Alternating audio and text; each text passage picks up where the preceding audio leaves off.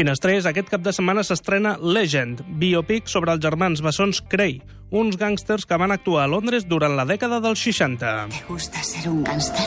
Yo no soy un gángster. Solo tengo un club. Me gusta el dinero y que me respeten por ser dueño de un club. Pero no soy un gángster.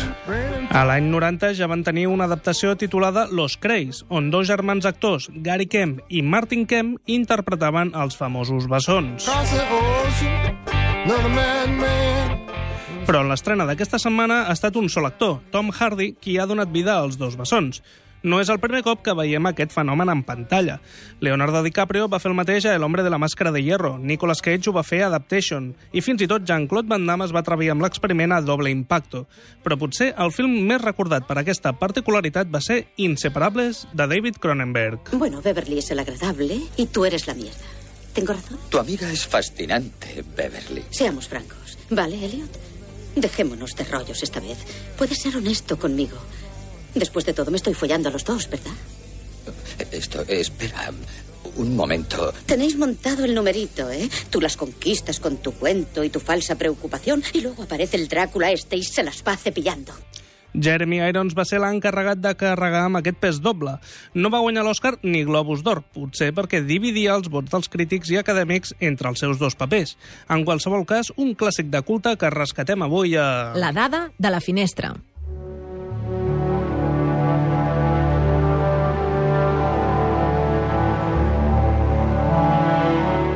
William Hart era la primera elecció de David Cronenberg per interpretar els bessons, però va refusar per problemes d'agenda. Poc després va reconèixer que si interpretar un paper ja li costava, imagina't dos a la vegada. Robert De Niro va ser un altre que va passar del paper. Els seus motius encara van ser més peculiars. Va dir que no se sentia còmode interpretant a un ginecòleg, que era l'ofici dels bessons a la pel·lícula. Per distingir quin dels dos bessons estava interpretant en cada moment, Jeremy Irons carregava el pes del seu cos o bé sobre els seus peus o bé sobre els seus talons.